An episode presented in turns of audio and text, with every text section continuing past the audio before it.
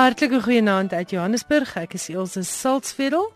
Hierdie is RSG 100 tot 104 FM en natuurlik is dit nou tyd vir ons weeklikse skrywers en boeke. Baie dankie dat jy ingeskakel het.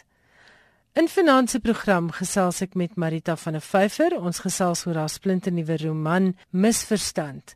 En jy sal sommer so kykie na lewe kan kry daar in Frankryk waar sy nou al die afgelope dekade of 2 woon. Eers iets oor twee splinternuwe kinderboeke. Dit is nou vir al die mense wat altyd vir my sê daar verskyn niks mooi en oorspronklik in Afrikaans nie.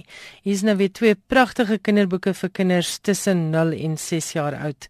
Die een is deur Jude Daly, 'n bekroonde kinderboekillustreerder wat onder meer al bekroon is met die Katrine Harris Prys vir kinderboekillustrasies. Jude is die vrou van die ewe bekende kinderboekillustreerder Nikki Daly en in haar splinternuwe boek 6 blinde muise en 'n olifant hoor ons die verhaal van 'n olifant wat eendag uit 'n woud gedrentel kom en in 'n boer se skuur beland. Hy maak vir hom 'n bed en dommel weg droomland toe. Ses blinde muise sluip uit hulle gaatjie in die skuur om die gedierte van nader te gaan bekyk. Is 'n olifant soos 'n muur of 'n boom, 'n spies, dalk 'n waier of 'n tou? Kom ervaar saam met hierdie ses blinde muise die wonder van die merkwaardige olifant in hierdie pragtige geïllustreerde fabel uit Indië. Ses blinde muise en 'n olifant word uitgegee deur Tafelberg en kos R155 en soos ek sê dis gemik op kinders tussen 0 en 6 jaar oud.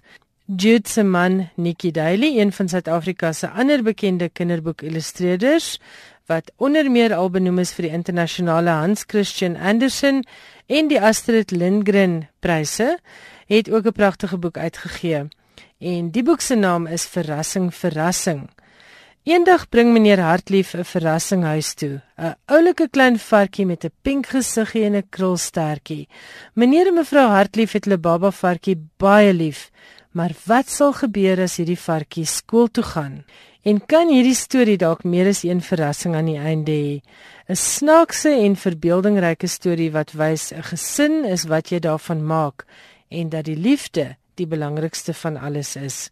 Verrassing, verrassing word uitgegee deur Tafelberg en is ook gemik op die 0 tot 6 jariges. Hierdie boek kos ook R155.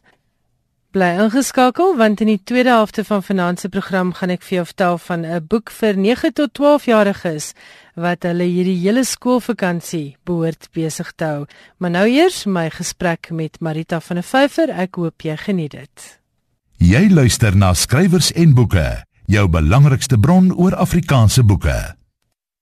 Vanaand is dit vir my 'n besonderse voorreg om vir Marita van der Vyver al die pad uit Frankryk by my in die ateljee te hê. Goeienaand Marita, baie welkom by Skrywers en Boeke. Hallo Ilse, is lekker om hier te wees. Ons praat vanaand oor jou 13de roman, misverstand en ons het nou-nou gewonder of dit jou 13de volwasse roman is. Jy sê jy dink nie so nie. Nee, weet jy, ek het opgehou tel. Dit klink verskriklik. Dit klink soos Andre Brink wat 70 boeke omtrent geskryf en vertaal het. Dit is nie so erg nie, maar omdat ek in verskillende genres skryf, want ek skryf ook mos kinderstories met prente en jeugromans en daar's kortverhale en daar was selfs kosboeke by ehm um, en nie fiksie, my Franse stories sal ek nou maar sê is hart van ons huis en so is ek nie heeltemal seker wat ingetel word nie. Maar die uitgewers en die mense in die in die media het uitgekom met hierdie getal van die 13de. Ek het gesien 22 boeke tot dusver uit jou pen. As jy nou al die ander As ja, jy was die kinderboeke en die kosboeke Precies, en die ja. rubrieke bymekaar tel. Ek het misverstand baie geniet. Daar's vir my ietsie van Griet skryf 'n sprokie wat vir my weer klink. Ek is nie seker hoekom nie want die hoofkarakter in hierdie boek is 'n man, maar dis al die lekker temas waaroor jy so goed skryf. So kom ons begin by die begin. Gee jy vir ons 'n kort sinopsis van misverstand? Ek sal nou nou terugkom na wat jy gesê het oor Griet want dit is interessant want Griet skryf 'n sprokie het tog ook gegaan oor 'n jong skrywer aan die begin van haar loopbaan nog eintlik gepubliseer het nie en sy's moedeloos en sy druk haar kop in 'n oond en homself dood te pleeg en dan doen sy dit nie oor verskillende redes oor oond vuil is en sy maak die oond skoon so so 'n bietjie spot maar op so swart humor en so. En hierdie boek het definitief daarvan. Miskien meer as van my ander boeke want hier is dit dus nou met 'n middeljarige skrywer wat bietjie van 'n has-been voel en wat so moedeloos is dat hy hy romans onder 'n skuilnaam skryf. Dis hoe hy in Parys beland, maar hy dink sy loopbaan en sy lewe is so middelmatig misluk op die oomblik dat hy eintlik maar dink, miskien is dit beter as hy homself maar afskryf eerder as om nog 'n middelmatige boekie te skryf. So daar's ook 'n 'n bietjie van 'n selfdood, amper 'n fantasie by hom want hy dink sy boeke gaan meer verkoop. Dis mos altyd so as 'n skrywer of 'n kunstenaar doodgaan dan net daarna dan kry jy 'n groot push. So en dan en dan gebeur daar allerlei ander dinge die naweek. Ja, een van die dinge wat gebeur is die terreuraanvalle in Parys. Nou jy het geskryf in 'n onderhoud dat jy al eendag weg was met jou roman. Jy het al 'n hele paar maande daaraan gewerk voordat die terreuraanvalle plaasgevind het. Het jy toe besluit om dit by jou plot in te werk of was daar klaar 'n tragedie of 'n ding beplan vir Willem Prins vir sy naweek in Parys. Ek het wel geweet daar gaan een of ander katalisator moet wees. Daar gaan daar gaan iets gebeur. Maar dikwels as ek skryf, ek weet nie wat die einde gaan wees nie. Ek het 'n baie goeie idee van die karakters en en so min of meer die struktuur. Dit speel nou al vir 4 dae. My vorige roman Blou van onthou het oor 70 jaar afgespeel, maar ek skryf eintlik om my eie einde te leer ken, om die einde van die storie te leer ken. Dit is wat my aan die aan die gang hou. So ek het nie geweet nie. Ek het letterlik nie geweet toe ek begin skryf het of hy die naweek gaan oorleef nie. Ek het idees gehad van ontmoetings met mense uit sy verlede en so wat dalk kan help om dinge in 'n sekere rigting te stuur. En toe hierdie terreur losbars, was ek eers paniekbevange geweest want ek het gedink, hoe werk ek nou hiermee? Ek kan nie maak of dit nie gebeur het nie. Parys het verander en skielik is, is alles in Parys anders. Die hele atmosfeer is anders. Jy kan nie net so toeriste klisjé dwaalery deur die strate van Parys hê daarna nie. En toe het ek dit ingewerk. Na ek omtrent 2 weke lank seker die naaste wat ek in 'n lang tyd of miskien ooit was aan die sogenaamde writers block. Ek het nie lekker mm -hmm. geweet wat mm -hmm. om nou te doen nie. En toe besef ek net dit is ek moet dit in die storie inwerk en ek het toe daarmee gewerk en op die ou en dink ek het het dit 'n baie dieper skakering aan die storie gegee en dit het, het my in staat gestel om oor Parys te skryf weg van die toeriste klisjées van die pragtige stad. Kyk, met almal het ons al oor Parys geskryf. Wat kan ek nou eintlik nog sê wat Henry James en duisende ander skrywers voor my nie al gesê het nie? Maar nou kon ek oor Parys in 'n spesifieke getraumatiseerde Parys skryf wat jou heeltemal 'n ander kyk op die stad gee. Was jy in Parys tydens die aanvalle? Nee, ek was in die suide van Frankryk. Ek onthou dit baie helder soos dit gebeur het want ons het drie seuns tussen my en en Alain wat uit die huis uit is. En in verskillende stede studeer en werk. En in daai stad was een seun se meisie in Parys gewees en hy was elke naweek omtrent in Parys. En die ander het gereeld na musiekkonserte gegaan. En veral toe ek hoor een die van die Bataclan van die gijselaarsdrama en van die ouens wat daar ingebars het en dit 'n musiekkonsert was. Dit het my baie beangs gemaak want ek het omtrent eers 2 uur die die nag uiteindelik met al die seuns en hulle meisies en hulle vriende en so aan gehoor almal is oukei. Okay. En dan voor tyd mag voor die televisie gesit en probeer in aanraking kom met almal. Die skokgolf het oor die hele Frankryk uitgetrek. Jy weet dit was nie net Parys nie. En daar is 'n noodtoestand verklaar wat ons is steeds in 'n noodtoestand in Frankryk. Jy weet toe ek die boek geskryf het, het ek geweet dinge het verander, maar jy hoop teen jou eie beter wil in dat dit miskien net dit gaan nou ophou. Dis net en daarna was daar die vragmotor wat 'n nuus deur die skare gejaag het 6 maande later. Daar was nou onlangs weer in by die Louvre, gelukkig is niemand dood nie, maar daar was 'n um, ou met 'n mes wat veiligheidsmense aangeval het. So dit het nie opgehou nie. Ek dink dit gaan ophou nie. Ek dink vir die volgende dekade of in elk geval generasie is die hele Europa iets anders. Iets het verander vir altyd. Ja, daar's 'n semi-staat van beleg, nou, al is dit ja. ook net 'n emosionele beleg. Ja. Want ek dink jy dink nou anders oor gaan rondloop in Parys en by 'n straatkafee sit of 'n konsert bywoon. Ja, jy weet al die mense sê so die vrysenaar sê vreeslik hard, ons is nie bang nie, peur. Dit is vreeslik dis aangekondig en so. Dis 'n bietjie soos as jy fluit in die donker as jy by begrafplaas verbystap. Ja. Eintlik is ons die hele Frankryk mense is benoud maar almal sê ook ons kan nie dat ons ons lewe verander nie. Ons moet aangaan. Jy ja. kan nie in jou huis bly want dan het hulle gewen. Wie hulle nou ook al is, as jy jou hele lewenswyse verander, dan is die stryd verlore. So mens moet aangaan. Waar het die vonk vir hierdie storie vandaan gekom? Daar was verskeie vonke geweest wat 'n vlammetjie maak, maar een van die dinge was ek dink baie skrywers het al gewonder hoe dit sou wees om iets onder 'n skuilnaam te skryf en ek het al so van spottend vir my vriende gesê, "Ag, ek gaan nou 50 Shades of Grey skryf onder 'n skuilnaam, 'n pot vol geld maak. Niemand hoef te weet dis ek nie. Ek sal dit net vir niemand sê en altyd ontken en hoekom nie?" Maar dan gaan jy en jy dink wat dit behels om so 'n storie te skryf. Jy moet aspres in klisjées skryf. Jy weet as jy al so lank skryf soos ek journalistiek ook gedoen van tevore, jy skryf probeer altyd wegskryf van klisjées af. Jy probeer nie sentimenteel skryf nie. Jy probeer nie te cru skryf nie. Daar's 'n sekere manier waarop jy skryf. En nou, as jy dan besluit jy gaan so iets skryf, dan moet jy teen dit alles ingaan. En ek het gevind vir my is dit eintlik onmoontlik. Hmm. Ek ek dink net kan dit regkry. Toe skep ek 'n karakter wat dit regkry. Hy is miskien meer moedeloos as ek of verder heen en hy het 'n drankprobleem gehad en staan en hy's uit verskeie vroue uit en hy het gevoel hy kan nooit weer 'n ernstige roman skryf nou 'n hmm. regte roman onder sy regte naam nie in 'n stadium van sy lewe en toe het hy dit begin skryf om huis en hart bymekaar te hou en bietjie uh, geld te gee vir sy dogter en so alhoewel hy eintlik van sy vrou se geld gelewe het. Een van die resensente op Litnet het geskryf: "Die skrywe is beslis geen misverstand nie, maar lê klem op soveel basiese lewenselemente van liefde, vertroue, geloof, wanhoop, middeljarigheid en sterflikheid. Die vraag waar 'n mens werklik hoort, wat sukses werklik is en beteken vir verskillende mense. Het jy toe jy weggetrek het met 'n roman, gedink jy gaan al hierdie kwessies aanspreek of skryf jy net agter die storie aan? Ek skryf agter die storie. Ek skryf agter karakter wat my fascineer. Meeste van my stories begin met 'n situasie en 'n karakter of 'n paar karakters wat inwerk op mekaar. En ek het van die begin af geweet Willem is 'n soort van 'n middeljarige, middelmatige, moedelose al die M's karakter en ek het geweet ek wil 'n teenpool vir hom skep. En en dit is hoekom ek nou Jackie van der Merwe van Pneel geskep het. Want sy is 'n jong au pair. Is ook 'n Suid-Afrikaanse Suid-Afrikaner, maar sy werk as eintlik 'n joernalis. Nou werk sy as au pair. En so sinies soos wat Willem is, so hoopvol is is Jackie.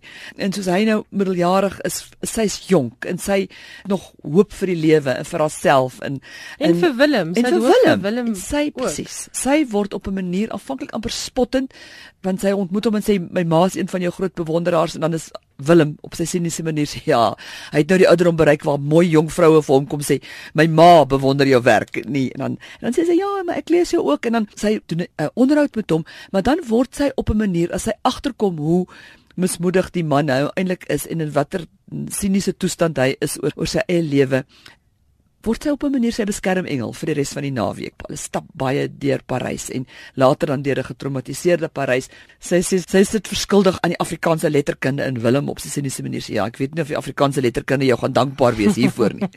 en dan sê sy ja, maar ek is verskuldig aan my ma ten minste. Ja, en mens luister vir jou ma. Mens ja. luister vir jou ma. Jy het dit reg gekry om 'n baie donker tema wat in 'n stad vol terreur afspeel baie lig te hou. Waar kom jou instinktiewe sin vir humor vandaan want mense sien dit in al jou boeke. Dit was baie prominent in Griet en dis weer vir my hier baie duidelik. Ja, Griet het ek gedog gaan 'n verskriklike donker boek wees oor 'n vrou wat op 'n donker plek in haar lewe is en en moedeloos is en sê ek dink Griet is nog meer moedeloos as wat as dit die Willem karakter is. Maar toe skop die humor in. amper outomaties om die karaktertreed van wanop en ek dink om die boek meer leesbaar te maak.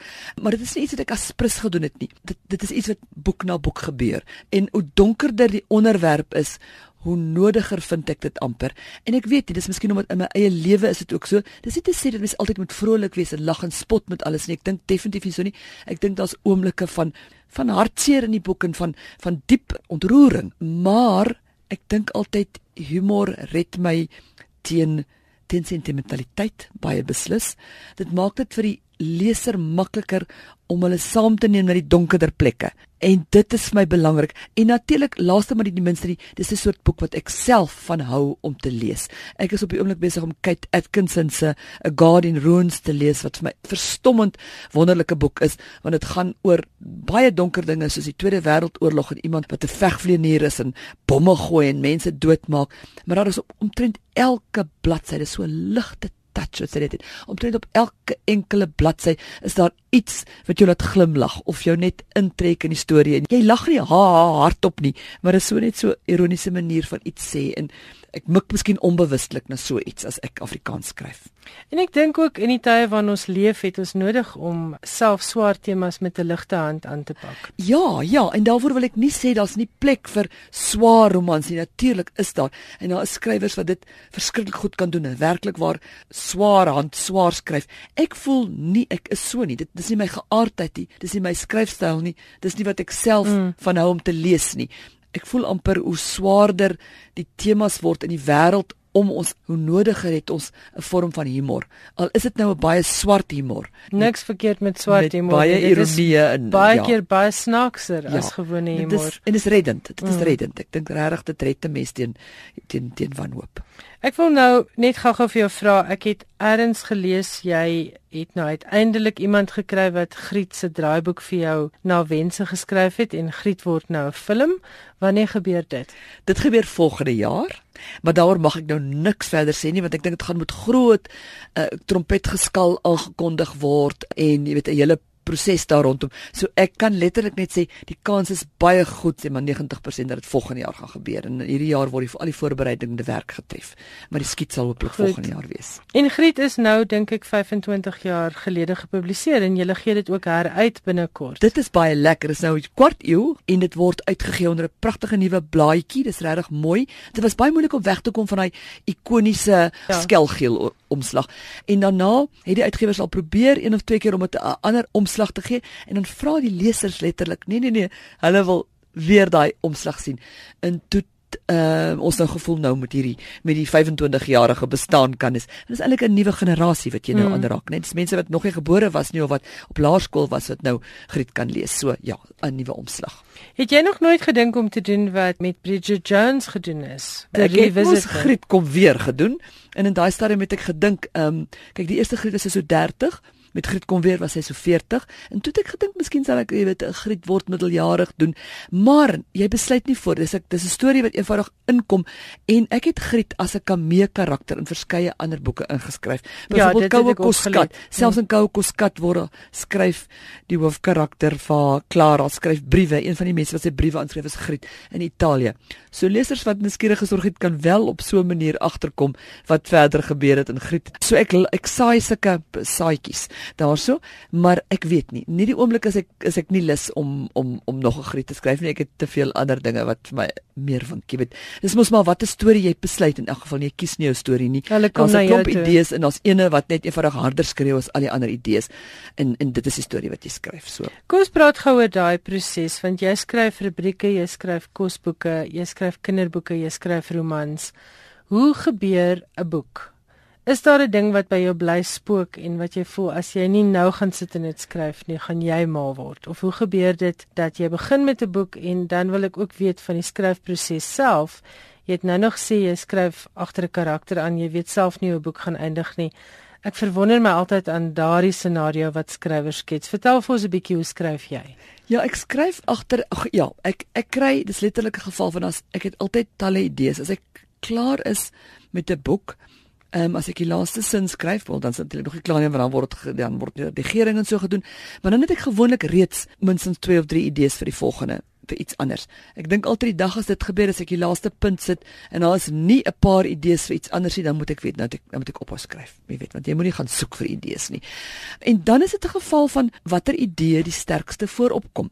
En dan ook die genre word ook bepaal deur wat dan gebeur. Soos um, ek het 'n idee gehad om oor 'n tienerseun te skryf wat rap doen, wat slam doen, spoken poetry, al die goed wat daar nog nie lekker name vir is in Afrikaans nie. Mm. En my vorige boek was 'n jeugboek geweest. Maar aanvanklik was ek nie seker of ek dit daar was 'n iets rondom 'n 'n 'n 'n ouer wat dood is, 'n kind wat baie kwaad is, 'n situasie dit het ontstaan met 'n situasie, uh, amper soos 'n ongeluk, en 'n pa wat nie opstaan vir die ma nie en die kind wat kwaad is daaroor.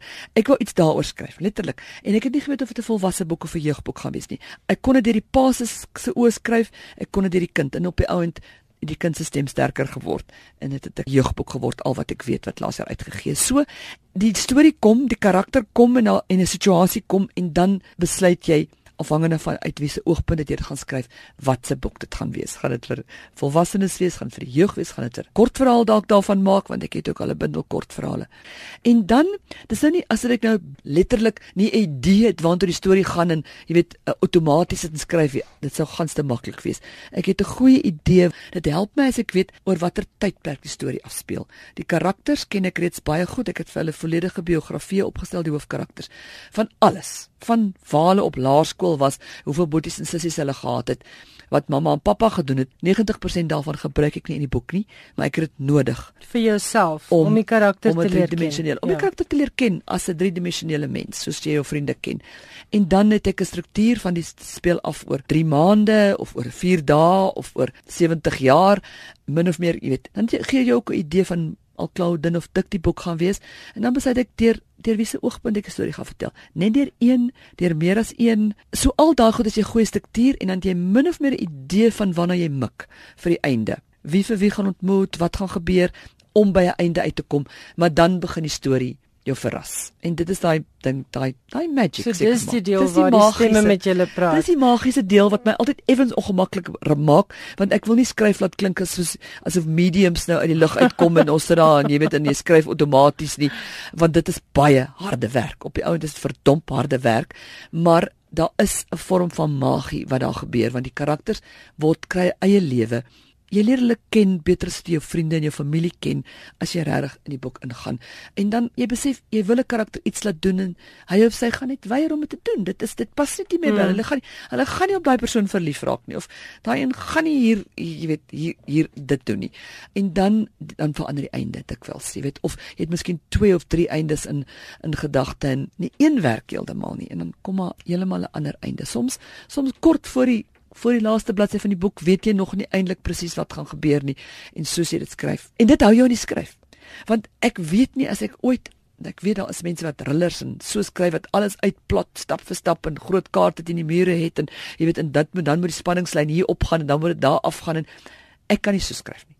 Goed vir jou as jy dit so mm, doen. Mm. Vir sommige mense werk dit en vir hulle boeke wat hulle skryf, vir my boek moet dit 'n 'n situasie wees wat meer uit my maag uitkom.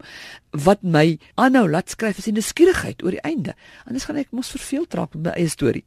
Iets wat my opval van jou is jou geweldige produktiwiteit. Jy het uh, vir 'n paar jaar nou al 'n maandelikse rubriek in Sari en 'n rubriek lyk doodmaklik om te skryf, maar dis baie moeilik. Jy mag nooit preek nie, jy mag nooit verveel nie met elke maand 'n vars tema skep of vind.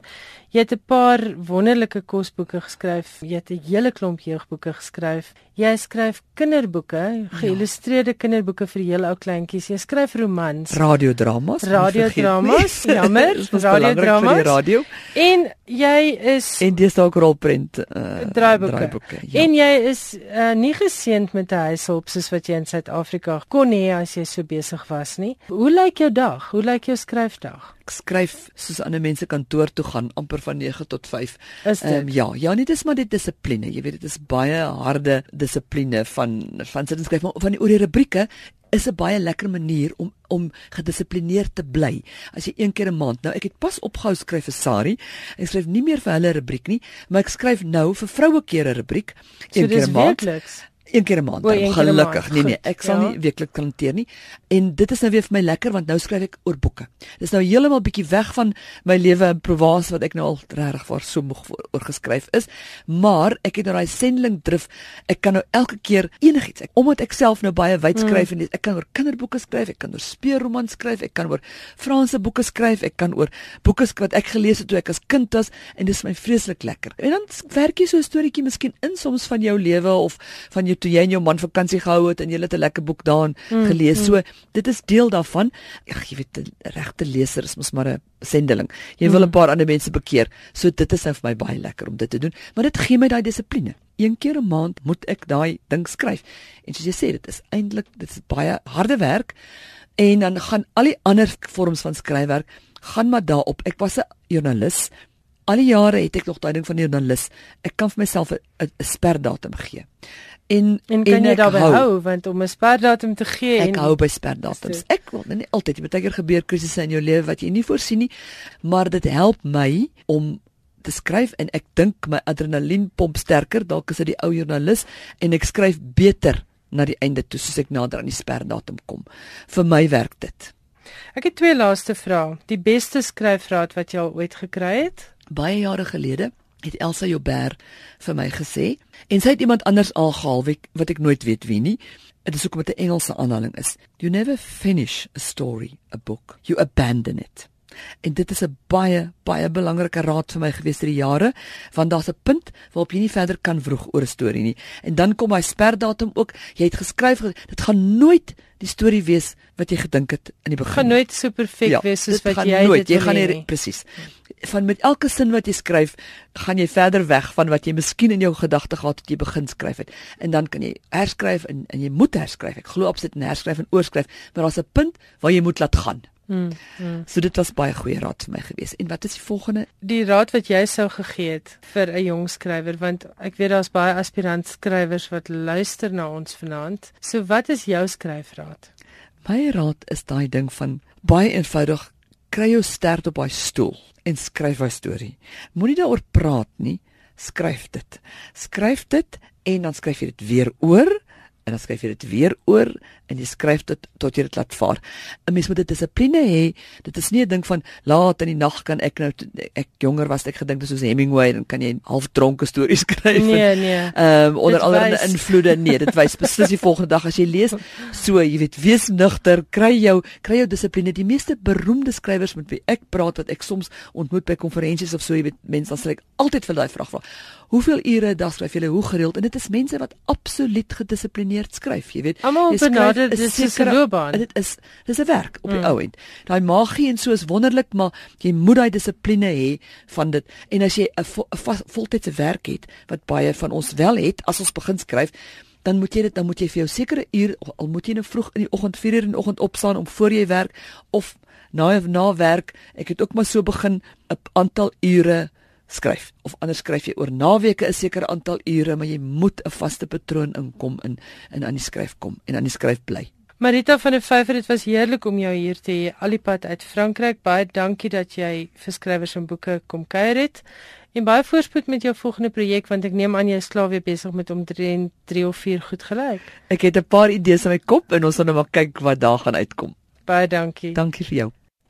Dit was Marita van der Vyver, alipad uit Frankryk en ons het gesels oor haar splinternuwe roman Misverstand wat uitgegee word deur Penguin Random House. Dit kos R250. En soos beloof, die boek wat ek reken die 9 tot 12 jariges hierdie hele vakansie behoort besig te hou. Dis lekker dik 224 bladsye en dit bevat 20 lekker gril stories. Geluide in geheimsinnige donker gange, monsters, mummies, moordenaar, onderwysers en vreemde wesens. Dis alles in hierdie boek. En die beskrywing sê skoolgaan is beslis nie vir bangbroeke nie. En wie sal tog omgee oor kwaai onnies in huiswerk as hulle nog met toordokters, spooke en reusagtige spinnekoppe ook moet rekening hou. Hierdie 20 grillekker stories sal jou nekhare laat regop staan en jy laat wens dat die skoolklok wil lui vir huis toe gaan tyd. Skool is 'n thriller, is saamgestel deur Mariana Brandt. Sy is 'n bekende en geliefde skrywer van kinderboeke wat presies weet wat kinders wil hê en is ook die skrywer van onder andere Die geheim van die torenkamer, die stoutsterte reeks Magrietjie Swaaiboude en Diva Veronica. En in hierdie boek is daar 20 verhale soos ek sê deur gevestigde en debuutskrywers soos Trula Gosen De Wet Hugo Antoinette Diedriks en Alrien Skeepers.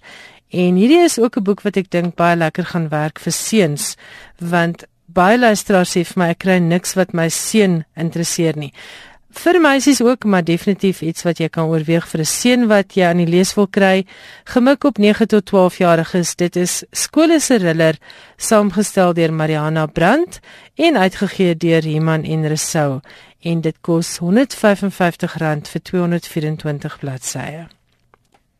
As skrywers en boeke vanaand vir jou so 'n bietjie anders en so 'n bietjie kort klink, moenie vrees nie, dit is doodnormaal. Ons luister vanaand natuurlik weer na atletiek en ons het ons dokumentêr Tweede Kanse oor fetale alkoholsindroom waarvoor ons 'n bietjie plek moes hou. Johan Meiberg is ook nie vanaand in die ateljee nie. Hy het 'n welverdiende lang naweek geneem en ek gebruik sommer hierdie kans om vir jou te vertel van Elkarin Fourie se heerlike boek Vat jou hele hart.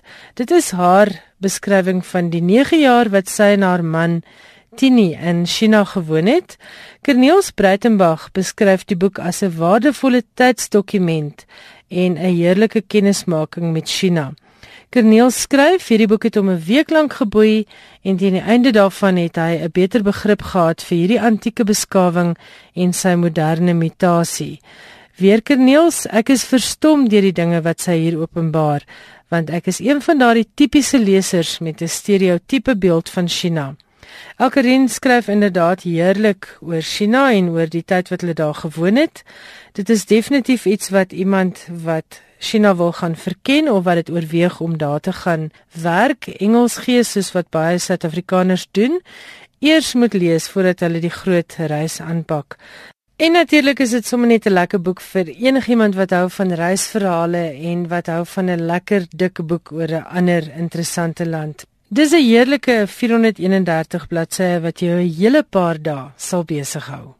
Elkarin is 'n vryskutjoernalis, ook bekend vir haar jeugroman Dans op die rand van 'n kraans.